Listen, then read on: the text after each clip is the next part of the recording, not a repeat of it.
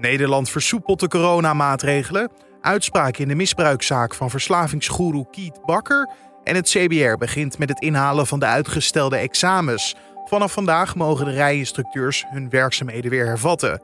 Dat betekent dat de kandidaten weer rijlessen kunnen volgen en praktijkexamens mogen doen.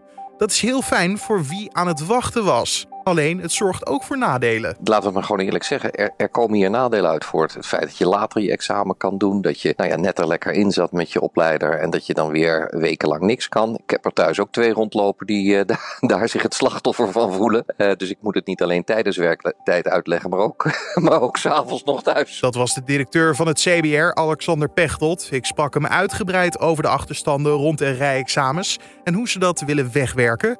Maar voordat we daarna gaan luisteren, eerst kort het belangrijkste nieuws van nu. Mijn naam is Carne van der Brink en het is vandaag woensdag 3 maart.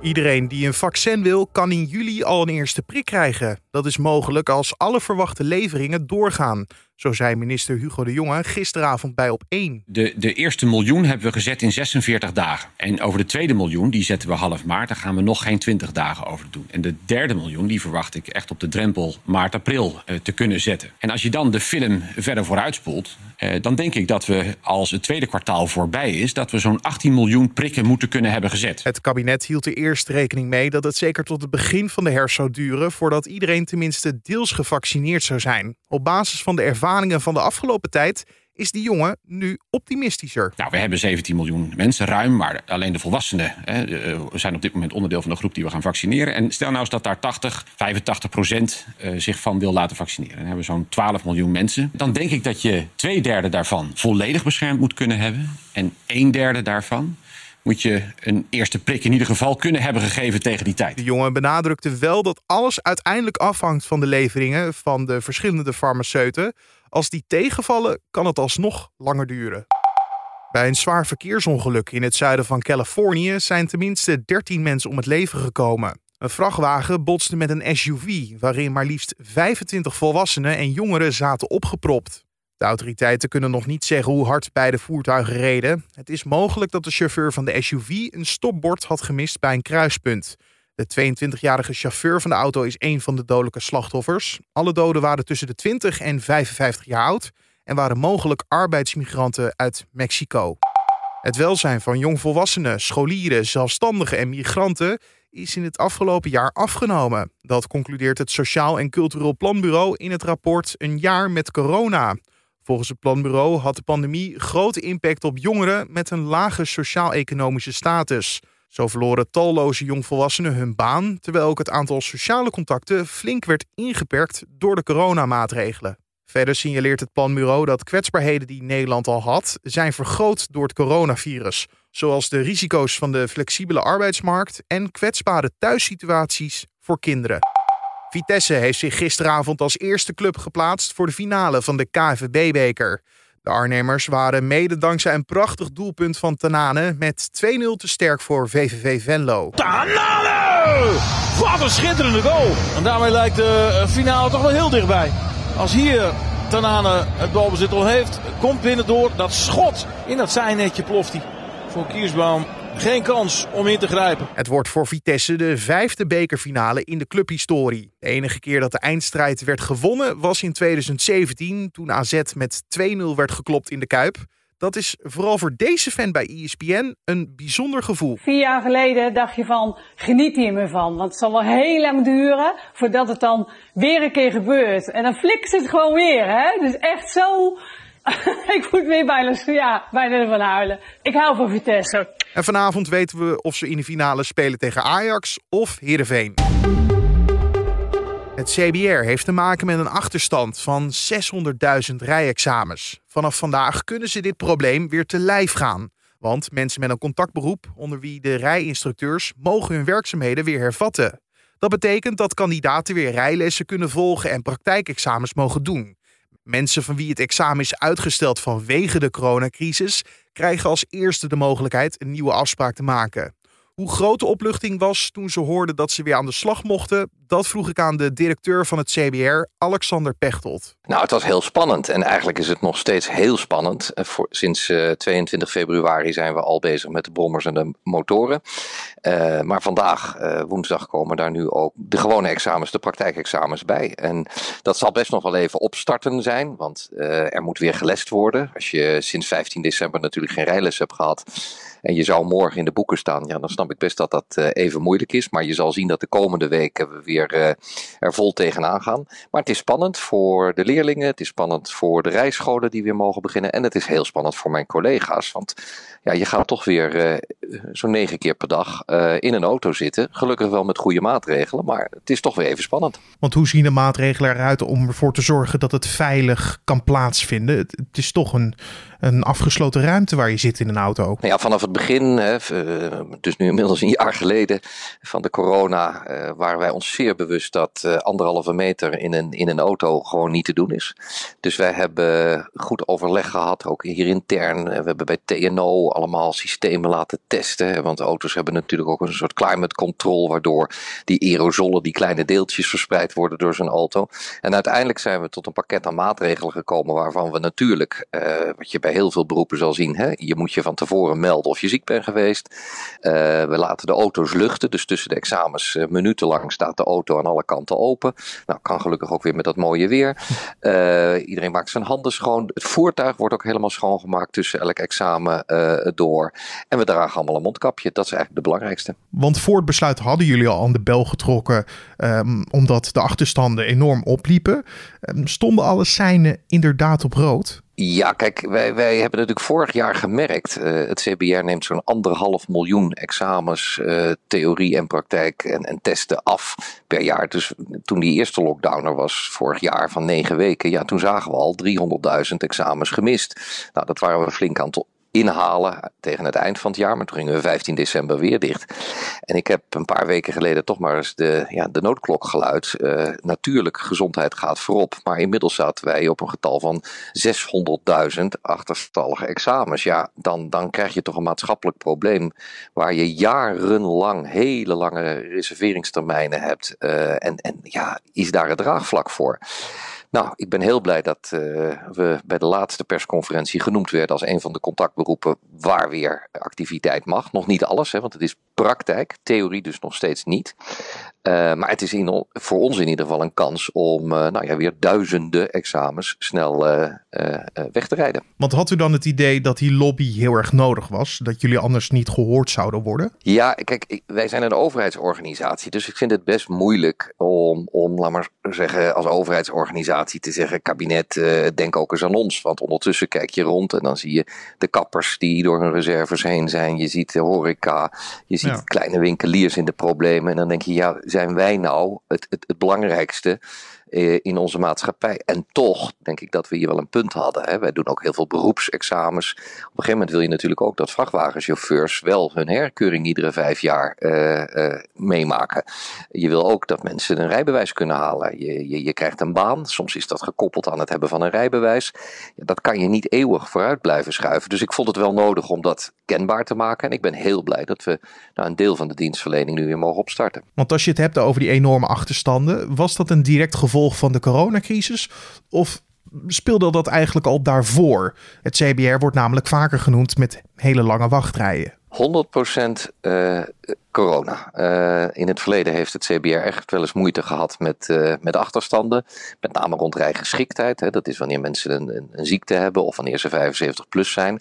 Daar hadden we een aantal jaar geleden door ja, computerwisseling uh, problemen meegekregen. Die waren eigenlijk vorig jaar september, oktober weer helemaal netjes weggewerkt. En ja, dit is 100% corona. Net zoals je ziet bij de rechtbanken, bij de ziekenhuizen voor de operaties. Ik hoorde dat je als je je kind nu op zwemles wil sturen dat je ook anderhalf jaar op een wachtlijst staat. Ja, dat is met, met beroepen waar je niet even zomaar een doos uitzendkrachten kan, uh, kan opentrekken. Hè. De, de examinator bij het CBR is toch een opleiding van ongeveer een jaar. En u schetst het net al, nu mag je weer je examen doen.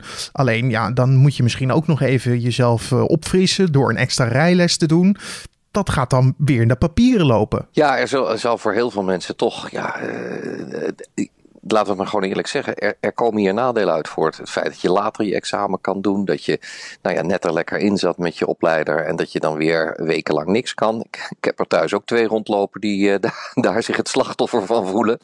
Uh, dus ik moet het niet alleen tijdens werktijd uitleggen, maar ook, maar ook s'avonds nog thuis. Dus uh, aan de keukentafel wordt u ook nog met die zorgen geconfronteerd, zo te horen? Ja, maar dat, ik, ik snap dat heel goed. En, en, en een, een les is toch, ja, daar, daar sta je toch wat uurtjes vakken te vullen bij de Albert Heijn. Dus ja, ik, ik, ik, ik snap heel goed dat dat ook, ook voor heel veel mensen een onprettige situatie is. Maar laten we allemaal een beetje rekening met elkaar houden. Hè. Ik, ik, ik zie de rijschoolbranche, dat zijn echt mensen, ja, dat zijn ondernemers, die zijn door hun reserves heen. Nou, die mogen gelukkig nu weer gaan lessen. Ik ben ook heel blij dat, dat we hebben afgesproken met de rijschoolbranche. Ga goed met die leerlingen overleggen wanneer je op examens komt. Wat, wat ons enorm zal helpen, is wanneer het slagingspercentage wat omhoog gaat. Dat zit al jaren onder de 50% Nou ja, daarom hebben we ook die stevige aantallen, want dan moeten mensen dus keer op keer terugkomen.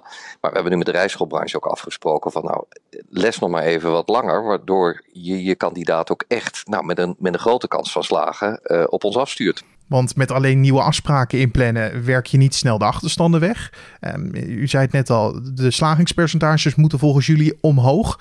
Maar dat ligt natuurlijk bij de rijscholen zelf. Hoeveel invloed kunnen jullie daarop uitoefenen? Nou, ik zie ons toch als een keten waarin we goed moeten samenwerken. De rijschoolbranche is een particuliere sector. Wij zijn een overheidsorganisatie, maar samen zijn we er verantwoordelijk voor dat mensen uiteindelijk uh, verantwoord de weg op gaan. De verkeersveiligheid is het doel wat we allemaal voor ogen hebben. En dat mogen mensen ook van ons verwachten. Beter opleiden in de zin van dat slagingspercentage omhoog, dat zou gaan helpen. We zijn eh, zelf als CBR bezig om heel veel overwerk in te zetten. Hebben we vorig jaar ook gedaan. Maar ja, je kan mensen ook niet jaren achter elkaar uh, laten overwerken. Dus daar zit ook wel een end aan. We zijn nu bezig met een grote wervingscampagne om 100 nieuwe collega's uh, te werven. maar ja, het effect daarvan, ja, dat zien we pas misschien volgend jaar rond deze tijd. En toch beginnen we er alvast mee. En als het allemaal ja, tegen zit en, en, en de wacht wachttijden ja, tot over een half jaar uh, blijven, want dat is toch wel mijn inschatting voor de komende tijd, ja, dan uh, voor, voor de nieuwe, hè, laten we heel mhm. duidelijk zijn, want als je nu al je examen hebt gepland, uh, dan kan je dat gewoon rijden, kan je het ook tot 2 april nog verzetten als je denkt ik ben er nog niet klaar aan toe, dus daar zijn we heel coulant mee. Maar ja, uiteindelijk voor mensen die nieuw gaan lessen, zou je toch langere wachttijden hebben en, en ja, dan moeten we misschien ook naar maatregelen die minder leuk zijn. Zoals? Ja, daar zijn we nu goed overleg met het ministerie natuurlijk over. Want uh, dat wil ik niet als CBR alleen bepalen. Dat moeten we ook, ook, ja, daar moeten we ook politiek en maatschappelijk draagvlak voor krijgen. We praten ook veel met de rijschoolbranche, met jongere vertegenwoordigers. Maar ja, dan zou je kunnen denken aan zoiets als de tussentijdse toets. Ja, onderwijskundig vind ik het een prachtproduct. Want het betekent eigenlijk dat je sommige handelingen al in een soort voorexamen laat zien dat je dat kan. En daar word je dan ook van vrijgesteld bij het echt examen. Maar even vanuit de bedrijfsvoering CBR, dat betekent twee keer een timeslot voor een examen. Nou. Ja, zouden we dat, zo'n tussentijdse toets wat nogmaals onderwijskundig fantastisch is, zouden we dat schrappen? Ja, dat, dat scheelt ons zo'n 80.000 examens op een jaar. Maar dit is iets dus wat jullie niet snel zullen overwegen? Nee, we, we willen echt proberen om het de komende tijd in een langzame opbouw goed ook luisteren naar de ervaringen. Ook ervaringen natuurlijk uit de eerste lockdown, voor onze planningssystemen. Kunt u zich er iets bij voorstellen? Dat is best ingewikkeld om dat mhm. allemaal voor iedereen eerlijk te plannen. Voorrang te verlenen aan diegenen die dat ook verdienen. En ga zo maar door. Uh, dus we willen ook gewoon leren van die eerste weken en maanden. Maar ik sluit niet uit uh, ja, dat, dat we uiteindelijk toch, toch echt wat steviger moeten kijken dit jaar naar wat kan er nog meer. Want een half jaar of langere wachttijden. Ja, ik, ik, ik, ik ben bang dat als dadelijk iedereen gevaccineerd is, dat iedereen denkt: ja, CBR, en waarom is bij jullie nog nog niet op orde. Ja, dan is het dan nog steeds corona. En op deze manier hopen jullie dan dat het CBR niet weer eh, synoniem komt te staan voor lange wachtrijen? Ja, ik, ik wil echt. Kijk, en daarom de verhouding met die rijschoolbranche. Dat is ja, soms wat stroef, maar ik, ik zie het toch elke keer maar weer als een uitdaging. Maar ik wil in goed overleg met ze kijken. Wat kunnen we voor jullie doen? Maar kijk nou ook eens wat, wat jullie voor ons kunnen doen. En een kandidaat die hier tien keer langskomt. En waarvan mijn collega's vaststellen dat zelfs de voertuigbeheersing eh, hier op het parkeerdek nog te wensen overlaat. Ja, dat, dat, je kan het gokje wagen, het kost je geld. Uh, maar je houdt ook iemand anders een, een waardevolle plek, uh, die hou je bezet. Dus als diegene er gewoon nog niet klaar voor is, adviseer hem of haar nog een paar lessen en ga dan pas voor je examen. Dat is een hele mooie samenvatting van mijn oproep. Afsluitend, voor de praktijkexamens is er dus weer heel veel mogelijk.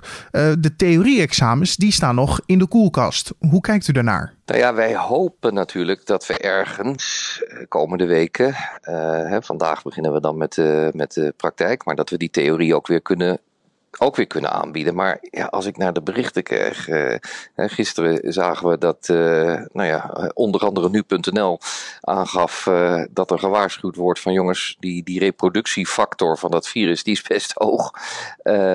dus ja, ik, ik, ik, ik maak me ook eerlijk gezegd best wel zorgen van mogen we die praktijk nog wel een tijd overhouden?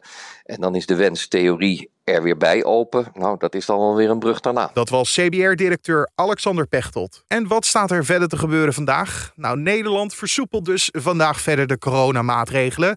Vanaf vandaag mogen mensen met een contactberoep weer aan de slag, zoals de kappers en schoonheidsspecialisten en dus de rijinstructeurs. En de detailhandel mag weer open voor winkelen op afspraak. Ook mogen jongeren tot 27 jaar weer samen buiten sporten op sportaccommodaties. De rechtbank doet vandaag uitspraak in de misbruikzaak tegen Kiet Bakker. Tegen hem is zes jaar cel en TBS met dwangverpleging geëist. Justitie heeft de voormalige verslavingsgoeroe aangeklaagd voor verkrachting van een minderjarig meisje dat hij hielp met haar eetstoornis. Hij mag van justitie ook 13 jaar niet meer in de zorgverpleging werken. En voor de derde keer op rij praat Raymond Klaassen van Weerplaza hierbij over het weer van vandaag. Het wordt vandaag weer een mooie dag. Ik zou bijna zeggen een echte lentedag met temperaturen in de middag tussen de 14 en 16 graden.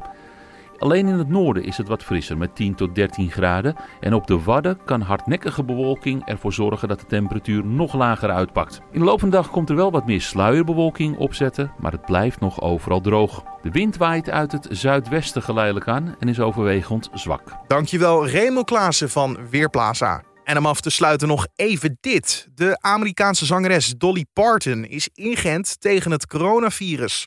En vlak voordat ze haar prik kreeg, zong ze een variant op haar grootste hit Jolene. Vaccine, vaccine, vaccine, vaccine. I'm begging of you, please don't hesitate. Vaccine, vaccine, vaccine, vaccine. Cause once you're dead, then that's a bit too late. In een video op Twitter zegt Parton dat ze erg blij is met haar vaccinatie.